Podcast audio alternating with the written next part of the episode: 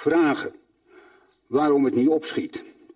En of het niet sneller kan, is zoveel als een man die aan het kraambed van zijn vrouw bij een uiterst moeizame en pijnlijke bevalling zijn vrouw vraagt of het niet opschiet, of het niet sneller kan en wat, met wat minder misbaar.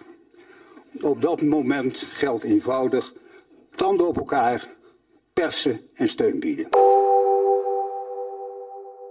Welkom bij Wegwijs in het IJspaleis, de politieke podcast van Den Haag Centraal, waarin we het hebben over de nasleep van de gemeenteraadsverkiezingen. Dit is aflevering 12, een drukke zomer. Ik ben Mieke van Dixhoorn en we zitten op onze redactie in het centrum van Den Haag. De vakantie in het IJspaleis is begonnen. De verkiezingen waren inmiddels vier maanden geleden en nog altijd is er geen nieuw coalitieakkoord zeven weken hebben D66, de VVD, GroenLinks, PvdA en het CDA onder leiding van Piet Hein Donner met elkaar over de inhoud gepraat. Dat blijkt lastiger dan gedacht. In de ene laatste gemeenteraadsvergadering van het jaar vertelde Donner dat met name de financiën een probleem opleveren en dat alle partijen een, zoals hij zei, forse schok kregen toen ze het complete plaatje kregen voorgeschoteld. Volgens de oud-minister mogen we zelfs blij zijn dat alle vijfde partijen nog aan tafel zitten en hun verantwoordelijkheid nemen. Het is duidelijk dat het nieuwe coalitieakkoord geen pretje wordt. Er zullen flinke bezuinigingen en ook behoorlijke lastenverzwaringen nodig zijn om de financiën weer op orde te krijgen. Er wordt gepraat over een pakket van meer dan 100 miljoen euro. Als we de onderhandelaars mogen geloven, wordt er toch goede vooruitgang geboekt. Ze gaan door met de gesprekken in de vakantie via de mail en Teams ook vanaf alle vakantieadressen. Gaat dat werken? Wat kunnen we verwachten van het nieuwe akkoord en wanneer zal het klaar zijn? Hierover ga ik het hebben met mijn twee gasten, Herman Rozenberg en Jeroen van Raalte. Herman is de hoofdredacteur van onze krant en Jeroen is collega-journalist. Hij was hier ook voor de aftrap van de podcast. Heren, welkom. Dank. Dankjewel. Laten we bij het begin beginnen. We hebben, zijn vier maanden verder, we hebben nog geen akkoord. Hoe erg is dat?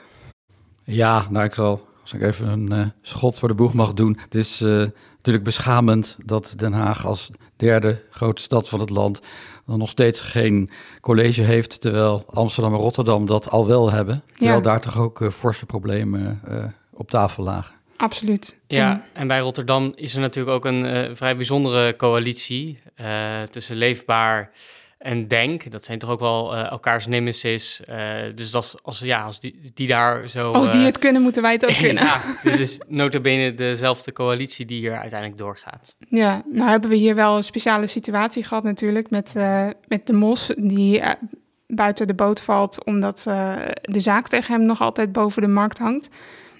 Heeft dat echt zoveel invloed gehad of ligt het ook nog aan andere dingen? Nou ja, het lat op mij maakte dat sterk de indruk toch van een soort rituele dans. Uh, die inleiding op de uh, onderhandelingen, omdat de Mos. Uh, daar was al duidelijk van dat, dat ze niet met hem wilden samenwerken. Dat was al gezegd van tevoren. Ja, D66 zei dat heel duidelijk tijdens ja. de verkiezingen al. Ja. En toch is dat nog onderzocht allemaal. Er is toch nog een hele ronde geweest met, ik geloof met Rita Verdonk. ja, die ging koffie drinken. De hoofdrol. En, uh, maar ja, dat moest dan kennelijk afgewerkt worden. Maar daarmee stond je natuurlijk ook al qua tijd weer op achterstand. Ja. Ja, en ik denk dat vervolgens een beetje de, de vloek is geweest van deze verkiezingsuitslag... dat er eigenlijk heel veel mogelijkheden waren. En daardoor had iedereen uh, hoe uh, onmogelijk... Ja, ze hadden het ook... overgegeven van over 40 mogelijkheden of zo die zijn ja, onderzocht, hè? er was wel zoveel mogelijk uh, dat iedereen wel weer zijn eigen niche-voorkeursvariantje had. Waardoor het niet duidelijk uiteindelijk was van wat gaat het worden. Dus Mhm. eigenlijk, we dachten toen die uitslag er was van nou, er is zoveel mogelijk, dit moet wel loslopen. Maar eigenlijk daardoor had, was er geen enkele variant waar iedereen uh, zich in kon vinden. Ja, klopt. En dan had je ook nog alle blokkades. Ja. Want uh, daar liep het op een gegeven moment ook spaak op. Hè? Alle mogelijkheden die er dan waren, die werden wel door één of meerdere partijen geblokkeerd. Of in elk geval gezegd, dat is niet onze voorkeur om het politiek correct te houden. Ja, en dat gaat natuurlijk ook, dat is namelijk ook weer de vloek van deze uitslag, dat de huidige coalitie heeft er zelfs twee zetels bij gekregen, waardoor ze in principe of de PvdA of het CDA hadden kunnen lozen. Ja. En daar is natuurlijk ook veel over gebakkeleid, want de VVD uh, heeft geen, eigenlijk geen zin meer uh, in de PvdA. Nee. En de rest uh, wil wel door met vijf partijen. Nou ja, dat heeft ook alweer weken opgeslokt. Zeker, maar inmiddels zitten ze aan tafel. En ehm, daar hadden we ook nog het sociale gedoe bij, eigenlijk, als ik het zo mag zeggen. Want op een gegeven moment was de conclusie: we, er is niet meer genoeg onderling vertrouwen tussen de politici. En we moeten het eigenlijk eerst gaan hebben over wat er in de afgelopen jaren eigenlijk allemaal is gebeurd. En door corona hadden ze ook geen borrels meer met elkaar gehad. Dus de onderlinge relaties waren daar eigenlijk. hadden, ja, hebben geleden. Nou, ik vind dat wel een heel raar, uh, ja, hoe zeg je dat, argument of een rare verklaring. Je bent met die vijf partijen die dan uh, in dat college al zitten. En dan wordt het, is het toch zo'n enorm lastige boel. En dan ga je zeggen, ja, het is eigenlijk een beetje met de sociale contacten wat minder geweest. Dat geldt natuurlijk voor iedereen in de, in de coronatijd. En bovendien bleven met elkaar op dat stadhuis natuurlijk gewoon zien. Dus het, uh, ik vind dat ook weer heel raar allemaal. Ja, maar die hebben ook via digitaal vergaderd en zo, hè? Ja. Dus de wandelgangen die waren er niet. Nou, oké, okay, maar goed. Dat, uh, ik, die fracties zaten toch wel op hun kamers ook, of niet? Of was dat ook minder? Uh, ik denk ook minder, maar dat hebben ja. jullie meer meegemaakt dan ik. Oké, okay. nou ja, goed. Het, ik vind het niet zo'n sterk... Geen sterk argument. Nee. Wat voor um, gevolg gaat het hebben, denken jullie, dat um, als ze er nu uitkomen dat de Hart voor Den Haag van Richard de Mos niet in het college zit? Ja, het is, het is natuurlijk een partij met een beetje twee gezichten. Enerzijds, uh, en daar, daar zit denk hun, hun grootste succes, is dat ze enorm energieke doeners uh, zijn. En de andere kant is, is toch meer dat, dat, en dat zeker sinds de, de hele corruptieaffaire, meer dat verbitterde. Ja. Uh, echt de verbitterde outcast. Dat zijn ze natuurlijk nu letterlijk ook, nu ze uh, door... Uh, ja, dat wordt alleen maar meer aangezet ja, nu natuurlijk. Ja, dus de vraag ja. is heel erg, denk ik, komen zij, worden zij alleen nog maar in die rol gezet van boze oppositiepartij, boze oppositieleiders? Of ja, is er toch nog mogelijkheden om dingen voor elkaar te, te krijgen. Want het blijft zo dat D66, VVD en Hart voor Den Haag met z'n drie een meerderheid hebben. Dus mocht ja. er nou een keer iets zijn dat die drie partijen alle, uh, alle drie ligt, en dat denk ik meer... Economie in, bijvoorbeeld. In, ja, ja, wat meer rechts-economisch iets. Ja, dan is de vraag, uh, gaan VVD en D66... Zijn die dan bereid om, om nou ja, even de linkse partijen uit de coalitie links te laten liggen om een samenwerking met ja. de MOS. Uh, het zou een mooie ontsnappingsmogelijkheid zijn. Of in elk geval een dreigement om binnen het college ja. mee, uh, wat druk mee uit te oefenen. Ja, maar, maar dat ik... ligt er inderdaad wel aan hoe Hart voor Den Haag zich op gaat stellen. Want ze zijn de afgelopen tijd wel heel erg um, ja, heftig geweest in het debat. En ook vooral richting D66. Ja, het is echt behoorlijk, ook in de campagne, het is behoorlijk giftig uh, geweest van, van beide kanten. Dus het is uh, ja, de vraag of, dat, of die rust terugkeert. Zeker als straks in het najaar en in het nieuwe jaar die uh, zaak gaat spelen. Ja. Er komen nieuwe details aan het licht. En dat, dat, dat zal ook weer allemaal... Uh, gevoelens losmaken. Gevoelens losmaken. Je zegt het heel mooi, uh, Mieke. Dus ik, ik hou me hard vast. Ik wil er nog iets aan toevoegen, Mieke. Ja. Dat, ja, het is wel heel makkelijk soms ook om uh, de Hart voor Den Haag groep De Mos gewoon weg te zetten als een populistische partij of als een soort uh, forum of zoiets in de Tweede Kamer. Want dat, dat zijn ze natuurlijk eigenlijk nee, niet. Dat zijn ze niet. De partij nee. is veel stabieler en uh, het is gewoon de grootste partij van de stad. Absoluut. ze hebben ook een aantal goede raadsleden, een aantal mensen met veel ervaring. De Mos zelf natuurlijk een oud wethouder, Gerner Wie een oud wethouder. Constant Martini, recent toegetreden, ook een oud wethouder, natuurlijk ja. voor de P van de A ooit. Rita Verdonk, een oud minister. En je kunt dus niet zomaar die partij afdoen als een, um, ja, als een, als een bende gekkies. Want dat zijn ze gewoon oh, niet. nee, nee, nee, zeker niet. Absoluut, nee, ik zeg niet dat jij dat doet. Maar nee, nee, nee, dat, misschien dat mensen, de mensen zouden dat kunnen denken. Van, oh, de mos. Ja, maar het is toch een serieuze partij waar rekening mee gehouden moet Absoluut. worden. Absoluut. En ze, zijn, um, ze hebben een vijfde van de, van de zetels in de raad. Dus dat betekent ook dat ze een extra pressiemiddel hebben... waar ze ook al wel gebruik van hebben gemaakt. Want ze kunnen in hun eentje een spoeddebat of een spoedraadsvergadering aanvragen. Omdat je daar heb je negen zetels voor nodig. En dan um, is de burgemeester nou niet verplicht volgens mij, maar dan moet hij dat gaan plannen. En daar zijn ze niet vies van. Nee, Laten zeker niet. Nee. nee, dus als we deze zomer terug moeten komen, dan is dat waarschijnlijk uh, omdat zij dat willen. ja, ik denk dat het ook aan ligt hoe erg het coalitieakkoord wordt dichtgetimmerd. Of ze inderdaad... Of er dat... mogelijkheden zijn. Ja. ja. Kijk, elke keer wordt gezegd van we gaan het lekker wat, wat losser doen hè, op, op hoofdlijnen. En uiteindelijk zie je in de praktijk wordt alles gewoon dichtgetimmerd. Want dat is nu eenmaal de politieke cultuur. Ja, ik ben benieuwd, want het zou ook, uh, er wordt ook heel veel gevraagd om de stad nog meer invloed te geven. Ja, ja ik denk Niet dat van onder de indruk. ik denk dat het al moeilijk zat is om er met deze, Vijf deze kleine club uit te komen. Ja. Het verhaal is ehm, dat de financiën het grootste struikelblok zijn. Dat heeft een aantal redenen. Eh, de eerste is kort gezegd dat Den Haag de afgelopen jaren vooral de spaarrekening heeft geplunderd om lopende zaken mee te financieren. En dat houdt een keer op. Daarnaast krijgen we de komende jaren minder geld van de Rijksoverheid.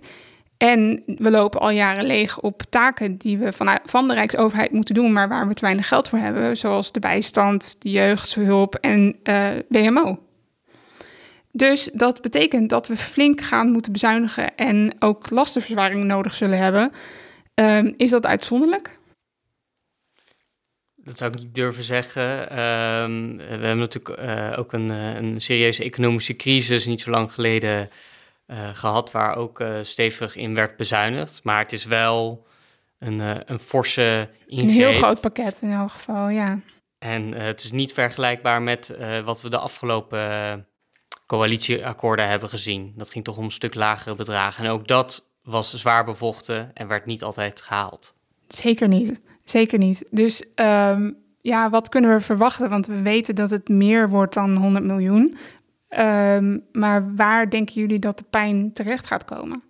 Ik denk dat de pijn op rechts komt bij lastenverzwaringen. Dus meer parkeergeld, eh, hoge onroerende zaakbelasting, dus belasting voor huizeneigenaren, eh, afvalstoffenheffing, toeristenbelasting. Nou, dat zijn allemaal dingen die vooral bij VVD en CDA eh, erg pijn doen. Ja, Ik denk bij links meer de pijn zit in de bezuinigingen eh, op nou ja, alle sociale programma's. welzijn, zorg. Ja, ja, ik precies. zag inderdaad in dat rapport wat op tafel ligt bij die eh onderhandeling over waar je allemaal kan bezuinigen en extra inkomsten kijken. En daar, als je dan naar dat lijstje kijkt van nou ja, wijk, GGZ, eh, inderdaad welzijn, de, de jeugdzorg, armoede, al die potjes, daar valt echt heel veel geld van af te schrapen. Dus ik vrees eh, dat daar de pijn eh, voor, de, voor de linkse partijen zit. Ja, En mogelijk ook cultuur, de cultuursector. Dus, Ja. die is ook nog wel eens het slachtoffer bij bezuiniging. Dat zou nu weer kunnen gebeuren. En juist daar liggen een heleboel plannen, ambitieuze plannen van eh, musea, onder andere Haagse Historisch Museum, eh Museum Scheveningen. Eh, er is een plan voor de Amerikaanse, voormalige Amerikaanse ambassade, Escher Museum, om dat daarin te stoppen. En eh, ja, dat eh, zou dan ook allemaal wel eens heel moeilijk kunnen worden als ze dat nog willen, eh, om dat te kunnen betalen. ja, er is niet geld voor alles. Nee, nee, dat is, dat is duidelijk. Maar ik als, ja, ik, om me toch even te verplaatsen in de rol van de buitenstaander, ik zou, dan herinner ik me toch opeens bijna 700 miljoen Eneco-geld wat gekomen is door de, de verkoop van de aandelen. Waar is dat allemaal al voor jubeld dan? Nou ja, ja het, grootste deel is in ieder geval wel al eh, geoormerkt, zoals het dan heet. In ieder geval, dat, dat heeft al een, eh, een plekje gekregen. Maar nog 100 miljoen ongeveer is eh, nog vrij.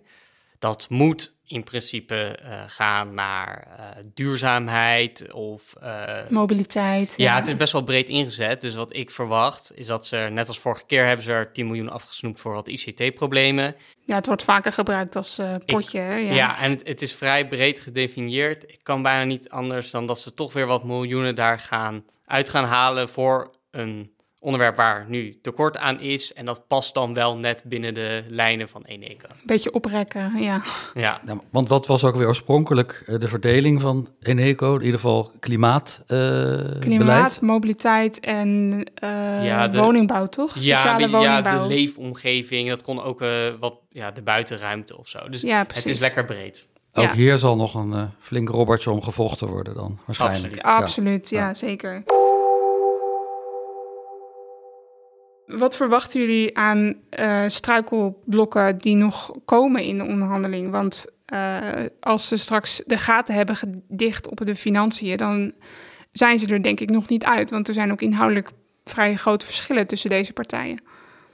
Ja, nee, dat is eh, het woondossier. Ja, is er één van.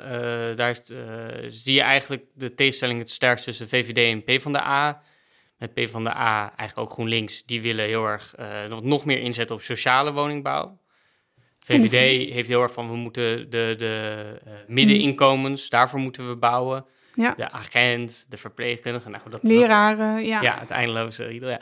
Maar dat, dat, uh, dat is een andere uh, sector waar... nou, daar, daar, daar gaat wel echt om... om Mobiliteit wordt ook een dingetje, denk ik. Ja, dat is de eeuwige strijd tussen auto, fiets, OV. Ja, precies. De ene helft van de onderhandelaars wil parkeergarages, extra parkeergarages... en de andere helft absoluut niet. Ja. Dus dat wordt ook een interessante... En jij zei, jij zei volgens mij ook wel uh, de VVD gaat nog iets willen bouwen. Ja, ja, want er moet natuurlijk altijd wel wat, uh, ook wat leuks voor de mensen in het uh, programma Precies. zitten. En zeker de VVD houdt van mooie dingen bouwen. en ik, je noemde al parkeergarages. Dat is echt een, een pijler. Ongelijkvloerse kruisingen, jawel. dat, is, dat is een ander woord voor een ondertunneling van een moeilijk kruispunt. Super sexy. Super sexy, maar dan kun je lekker doorkarren. Nou, dat, dat soort dingen. Er zal toch wel zoiets ook in het coalitieakkoord komen. Zo'n soort grote investering. Ja. maar ik denk dat we ook terug gaan zien, ook in de, uh, gewoon in de, uh, in, de, uh, in het politieke leven de komende jaren, de hele discussie over het Central Innovation District. Dus dat is het, een wijdse benaming voor de bouw van een, een heel groot aantal woningen bij de drie stations. dus Centraal, Hollandspoor en Laan van Nieuwe-Indië. En daar is daar zie je tot nu toe ehm, eh, ook hele duidelijke politieke conflicten al, omdat uh, het ontzettend moeilijk blijkt om daar sociale woningbouw in te realiseren, in die dure hoge torens. Terwijl eigenlijk het uitgangspunt van de gemeente is dat een derde van alles wat aan woningen wordt gebouwd sociaal is. En het tweede punt is dat er permanent uh, frictie is met uh, omwonenden en met wijkverenigingen, wijkorganisaties over die plannen. Want die worden telkens weer verrast en die krijgen te weinig uh, inspraak. En dus die beide dingen die leveren constant druk op. En telkens moeten plannen worden aangepast. Ontstaat er weer ruzie met projectontwikkelaars. Het is ja. een heel, heel, moeilijk, heel moeilijk dossier. Dus we krijgen nog meer bouwputten als het even tegen zit. Nou, ze, ja, je bedoelt bouwputten die... Uh, die, die, niet worden bebouwd. Die leven zoals het koningin Julianaplein, ja. Eh, wat gewoon uh, kaal blijft, waar niks nou, gebeurt. Daar, ja. daar groeit nu gras. Oh, gras, oh, ja. Ja, het is een soort tweede Malieveld dat daar ontstaat uh, voor het station. Ja. dat is ook al lang gezegd, maak er nou maar een parkje van dan. Dat is, dat is in ieder geval iets. En, uh, en wat denken jullie van de relatie coalitie-oppositie? Want uh, in de afgelopen debatten merk je wel dat uh, vijf partijen wel heel erg één lijn trekken en ook bang zijn. Ja, ik weet niet of bang het goede woord is, maar elkaar niet voor het hoofd willen stoten, vooral tijdens deze onderhandelingen. Heb je daar een voorbeeld van? Ja, nou, je had het voorstel van de Partij voor de Dieren om uh, fossiele reclame te verbieden in de stad. En dat zouden we dan als eerste in de wereld doen als stad. En D66 was er in de commissie nog voor, maar heeft uiteindelijk toch tegengestemd. En dat kwam volgens mij omdat ze de VVD en het met name het CDA niet voor de hoofd wilden stoten. Ja, dat is dan zo'n onderwerpje dat je denkt van, nou, dat is, uh, dat is me niet waard om uh, nu de coalitieonderhandelingen precies, te Precies, precies, ja. Wat niet heel veel kwaad kan, uiteindelijk natuurlijk. Maar um, ook de, de Grace, de, een van die grote woontorens waar je het over had, daar hebben ze uiteindelijk ook de lijnen gesloten. Terwijl uh, volgens mij de PvdA toch best wel wat commentaar had daarop. Ja, bij de, uh, bij de Grace, dat was het, uh, ja, misschien het derde of vierde grote project uit dat Central Innovation District. daar hebben ze duidelijk gezegd van nou, we moeten nu toch eindelijk eens een keer zo'n ding ongeschonden uh, door de raad zien te krijgen. En dat heeft men allemaal aan meegewerkt. En daar heeft de, zeker de PvdA, maar ook GroenLinks, hebben daar wel concessies gedaan. Want er zijn zoveel kritiekpunten op dat plan. Ja. De windhinder, ook weer eigenlijk te weinig sociale huur, geluidsoverlast en nou, noem maar op. Weinig groen en geen eigen parkeerplaatsen in dat complex. Dus allemaal dingen die eigenlijk in strijd zijn met eerdere gemeentelijke uitgangspunten. Maar die hier toch opzij gezet zijn. Ook om wethouder Mulder uh, eindelijk toch ook een keer een succes uh, te gunnen, denk ik. ja. ja. over de VVD gesproken. Uh, je had het over de relatie tussen coalitie en oppositie. in, het is natuurlijk uh, een publiek geheim dat uh, VVD niet al te gelukkig was in de afgelopen coalitie. Dat zij zich toch een beetje het rechterbuitenbeentje voelde. Zeker. En het is ook geen geheim dat ehm, zij heel uh, inhoudelijk goed liggen met Hart voor Den Haag. Dus ik kan me voorstellen als het weer toch uitkomt dat zij zich niet zo uh, senang voelen in die coalitie, dat ze misschien, zoals we vorige keren ook wel zagen, in de raad uh, toch toetrekken naar Hart voor Den Haag. En dat daar toch nog buiten deals de, ontstaan. Ja, uh, ja, dat zou ik niet uh, Dat zou heel goed kunnen. Nou, zoals je zei, er waren heel veel mogelijkheden voor meerderheden. Dus er zullen heel veel mogelijkheden zijn om op voor verschillende plannen verschillende meerderheden te smeden. Lekker deeltjes. Ja. Precies. Nou ja, hè, zo, zoals, wederom zoals je zei, zolang ze het akkoord niet te erg dicht timmeren.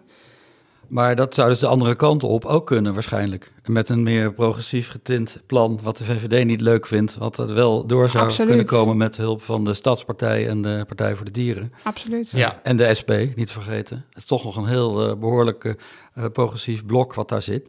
Ja, ja, er is ook een linkse meerderheid. Landelijk uh, zien we de trend dat er heel veel wethouders zijn overal. Wat verwachten we hier qua aantal wethouders en vooral ook wie krijgen de belangrijke posten, denken jullie? Nou, volgens mij had Jeroen al een rekensom uh, gemaakt. Uh, was het nou niet, ja, uiteindelijk denk ik dat ze gewoon met hetzelfde aantal doorgaan. Ja, dus twee voor D66, twee voor de VVD, twee voor GroenLinks en één voor het CDA en de PvdA. Ja, en dan mogen natuurlijk D66 en VVD als grootste partijen en met name D66 als eerste kiezen. Kiezen, ja. Dus jij zei al, Mieke... Uh, ja, die gaan voor financiën, denk financiën, ik. Ja. zekerheidje voor D66. Ja. ja. Ja, daar durf ik mijn hand wel voor in het vuur te steken. Dus dan krijgen we de VVD. Ja, nou die hebben natuurlijk in de, tot nu toe al twee concessies gedaan. A, het wordt hem niet met Hart voor Den Haag. En B, de PvdA blijft erbij. Ja. Dus die zullen toch ook wel, nou ja, uh, wat opeisen. Ja, ja dus uh, ja, Mulder zit natuurlijk nu op DSO, de dienst stedelijke ontwikkeling. En ja, denk je dat hij dat wil houden? Dat is wel een, echt een typische... Het is wel een moeilijk dossier, hè? Ja, maar het is wel gewoon bouwen, dingen gedaan krijgen, dat is wel... Uh, het is wel VVD. Ja, en hij moet dan, uh, wat jij denkt, financiën opgeven. Ja. Dus ik denk dat ze daar uh, in ruil voor het wonendossier van de PvdA uh, willen wegtrekken. Dat willen ze volgens mij niets liever. En anders wel het mobiliteitsdossier bij D66, bij uh, onze fietswethouder. Robert van Asten, ja. Maar die beide dingen liggen dan natuurlijk heel moeilijk. Want als ze hier dus in de zomer nog uit moeten komen. Ik, uh, de PvdA wil natuurlijk met zijn uh, wethouder ik neem aan dat die wethouder dan blijft, uh, Martijn Balster, uh, heel graag toch wonen blijven doen. Ja. En, uh, en wat blijft er anders voor hem over? En, en bij D66 geldt hetzelfde. de Robert van Asten is een beetje mister mobiliteit. hij race op zijn fiets overal rond. En hij, gaat ook heel, hij zit ook heel sterk op het openbaar vervoer. Um, dus ik denk dat hij dat ook niet kwijt wil. Dus nee. ik denk dat we hier nog een hele pittige discussie over krijgen. Ja? Ja, ja, zeker, lijkt ja. mij. Ja. Um, we krijgen een druk jaar. Wat worden de belangrijke momenten? Nou, ik denk uh, ja, iets wat eigenlijk uh, een beetje buiten de directe politiek staat, maar toch uh, het begin van de procedure tegen de Mos en, en Gernowie. Want dat, daar komen dan in oktober regiezittingen, zoals dat heet. En in het nieuwe jaar gaat die rechtszitting er echt komen. Het wordt toch ontzettend spannend. Want als Zeker. blijkt dat ze dus uiteindelijk bijvoorbeeld niet uh, veroordeeld worden, nou ja, dan, uh, dan ligt krijg je, alles weer open. Dan, ja, dan krijg je toch een soort uh, politieke, ja, hoe zeg je dat? En dat is in ieder geval een politieke aardbeving die zich dan voordoet. Want dan met terugwerkende kracht moet je dan constateren dat de grootste partij van de stad buiten het college van BMW gehouden is. Maar wat dan? Je kunt dat niet meer, dan meer terugdraaien. Want dat, ik neem aan dat er dan dat college wel zal zitten intussen. Dat, van die, vijf, van die ja. vijf partijen. En dat ga je dan niet weer opbreken. Nee. En vervolgens zal je natuurlijk uh, ja, misschien dan Hart voor Den Haag nog weer verbitterder hebben daar in de, in de oppositiebank. Ja, we krijgen ook nog oh, ja. de uh, raadsenquête over Amare krijgen we ook nog. En uh, nou ja, aan het begin van, de, van het jaar hebben we natuurlijk ook gewoon de begroting die ingeleverd moet worden. Ik mis nog even een belangrijk punt. Uh, ik kijk vooral uit naar het coalitieakkoord. Ja, ja. Heel terecht. Ja, Jeroen blijft dichter bij huis, maar dat is zo. We kunnen niet, uh, we kunnen niet zonder. Uh, als zonder coalitieakkoord helemaal geen college. Dus dan, nou, aan de slag jongens, daar op jullie vakantieadressen. Dankjewel. Graag gedaan. Graag gedaan. En dan gaan we nu voor de laatste keer voor de zomer bellen met Jan Pronk, oud VVD-raadslid en bestuurskundige die voor ons de gastcolumn schrijft. Goedemorgen, Miek. Jan, daar zijn we weer, nog één keer voor de zomer. Ja, inderdaad. Ook voordat bij ons het zomerreces intreedt. Ja, want uh, de ijs, het IJspaleis is al op vakantie. Zeker. Volgens mij uh, is Van Asten met zijn vouwwagen op pad, Martijn Balster met uh, tent. En de rest van de onderhandelaars weet ik eigenlijk niet. Maar die zullen vast ook tropische oorden aan bezoeken zijn. Ja, en veel, heel ver hoeven ze daar niet voor te reizen. Maar dat betekent wel dat de onderhandelingen vanaf nu op afstand zijn. Want tromgeroffel, er is geen akkoord. Nee, nee, dat is er niet. En dat hadden wij natuurlijk ook al wel een beetje voorspeld. Ja. Er, uh, er liggen hele grote opgaven voor deze stad. En ja, um, waar het al in deze coalitie natuurlijk nu al niet zo soepel liep, zou het natuurlijk wel erg uh, verrassende wending zijn als ze nu opeens, terwijl ze tientallen, misschien wel meer dan 100 miljoen moeten bezuinigen, er ineens binnen een paar weken wel uit zouden zijn. Dus dat heeft nog even tijd nodig. Daar heb je een punt. Daar heb je een punt. En in je column schrijf je dat het uh, toch een behoorlijke donderwolk is die boven de stad hangt. Hè, als we het hebben over de financiën. Want dat blijkt toch de, het grootste struikelpunt te zijn. Ja, dat klopt ja. ja uh, als we Donner goed beluisteren, dan is eigenlijk de opsomming. Uh, er zijn uh, structureel grote tekorten. Ehm, de reserves, zeg maar het spaarpotje van de gemeente, is meer dan leeg. Ja. En waar de uitgaven uit betaald worden, namelijk geld wat komt van de Rijksoverheid, daar gaat stevig op gekort worden in de komende jaren. Dus ja, die drie samen uh, maken dat er uh, financieel uh, ja, grote problemen zijn voor de stad. Ja, en daar komen dan alle uitdagingen nog bovenop. Want we kunnen niet zomaar blijven doen wat we nu doen. Nee, inderdaad. Er zijn stevige ambities geformuleerd in de afgelopen jaren. Bijvoorbeeld op het gebied van woningbouw. We gaan grote torens maken rondom stations. We gaan Zuidwest helemaal verbouwen. Nou, qua duurzaamheid weten we ook allemaal dat we een slag te maken hebben om fossielvrij uh, en, uh, en beter geïsoleerd, geïsoleerd door te gaan. Ja. Qua mobiliteit zijn er grote ambities om ja, nieuwe OV-lijnen aan te leggen en tramlijnen, zodat we een mobiliteitstransitie krijgen. Nou, zo kan ik nog wel een tijdje doorgaan. En dat kost geld. Zeker. En veel geld. Zeker. Dus, maar dat geld is er dus niet. Dus um, ja, Donner zei dat we blij mogen zijn dat alle partijen nog aan tafel zitten. Dat, dat is dan eigenlijk, eigenlijk wel zo, hè? Ja, en dat maakt mij ontzettend benieuwd uh, naar hoe ze het gaan doen. Je kan het op twee manieren doen. Als je, een, als je denk maar aan je eigen huishouden. Uh, je kan proberen als je geld tekort komt, of om minder uitgaven, uitgaven te doen, of om je inkomsten te verhogen. Ja. Dat laatste betekent bij de gemeente dat de lasten worden verzwaard voor de burgers.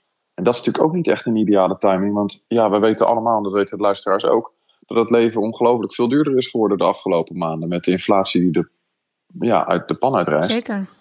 Ja, is het geld bij de burger ook niet makkelijk te halen. En de ondernemer ook niet, die het post-corona gewoon nog ontzettend moeilijk heeft om schulden in te lossen. Uh, en ook te maken heeft met duurdere arbeidskrachten die al bijna niet te krijgen zijn, waardoor de loonkosten enorm stijgen. Dus ja, waar moet, dat, waar moet het geld gevonden worden? Ik, ik ben heel benieuwd waar ze mee gaan komen. Ik heb de neiging om mijn handen in de lucht te gooien als ik je zo hoor. Betekent wat? Ja, als in, in, ik weet het ook niet. Okay, het zal allemaal ja, nodig nee, zijn. Het zal allemaal nodig zijn en we zullen er denk ik niet aan ontkomen dat er stevig gesneden gaat worden in de gemeentelijke uitgaven. Ja. En dan is de vraag, ja, waar gaat dat dan uh, gebeuren? Ja. Um, dat, dat moeten we zien. Ik ben heel benieuwd. We zullen het denk ik na de zomervakantie wel gaan horen. Ik kan me niet voorstellen dat dat nog heel veel langer dan september uh, kan en mag duren. Dus volgens mij praten we na het reces verder over welke keuzes de dames en heren hebben gemaakt. Heb je er vertrouwen in dat ze er wel uit gaan komen? Ja, het zal moeten. Uh, playtime is over. Er liggen hier hele serieuze opgaven. En uh, als die niet worden ingevuld, dan wordt de gemeente straks uh, onder curatele gesteld. En wordt het een artikel 12 gemeente. Volgens mij moeten we dat ten alle tijde willen proberen te voorkomen. Want dan neemt de provincie de regie over de stad over. En dat is een slechte zaak. Dus um, ja, als, uh, als uh, een van de grootste steden van het land moeten we toch voor zorgen dat we het eigen huishoudboekje uh, op orde krijgen. Nou, dan mogen ze nog maar even extra genieten van hun cocktail naast het zwembad, nu het nog kan. Ja, dat mag ook wel ook, want er is natuurlijk ontzettend hard gewerkt. En we moeten niet vergeten dat we ook uit verkiezingen komen. En uh, politiek is ook mensenwerk. En als je voor zulke grote opgaven staat, dan moet je zorgen dat je ook vitaal en uitgerust uh, die aan kan gaan. Dus laten we hopen dat ze in september vol goede moed terugkomen om, om dit probleem bij de horens te vatten. En als het zo mag zijn, dan zijn wij er dan ook weer. Yes, daar zie ik enorm naar uit. Seizoen 2. Yes, helemaal goed. Dankjewel Jan. Tot na de zomer. Doeg. Joe, bye. Dan wil ik iedereen bedanken voor het luisteren. Heel veel dank ook aan Stichting Luis in de Pels die deze podcast mede mogelijk maakt. De column van Jan is zoals gewoonlijk te lezen op www.denhaagcentraal.net. En de formatie is nog niet afgesloten, dus ook Wegwijs in het IJspaleis komt terug met een seizoen 2 na de vakantie. Heb je vragen of opmerkingen of wil je vertellen waar jij vindt dat we het over moeten hebben in seizoen 2? Stuur het allemaal naar podcastapenstaartje denhaagcentraal.net. En voor meer nieuws, reportages en analyses, kijk op onze website, koop de krant of neem een abonnement.